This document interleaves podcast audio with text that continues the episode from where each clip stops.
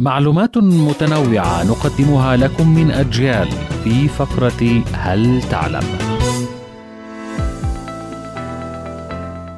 تعتبر تونس من أكبر البلدان في العالم في إنتاج الزيتون وأن خط الطول غرينتش تم وضعه في عام 1884 في المقابل في مصر يقال بأن كليوباترا لم تكن مصرية وإنما كانت يونانية هل تعلم عزيزي المستمع بأن جزيرة صقلية هي أكبر الجزر في البحر المتوسط وأن أفغانستان قديما كانت تدعى خرسان وهذا الاسم فارسي يعني البلاد التي تشرق منها الشمس.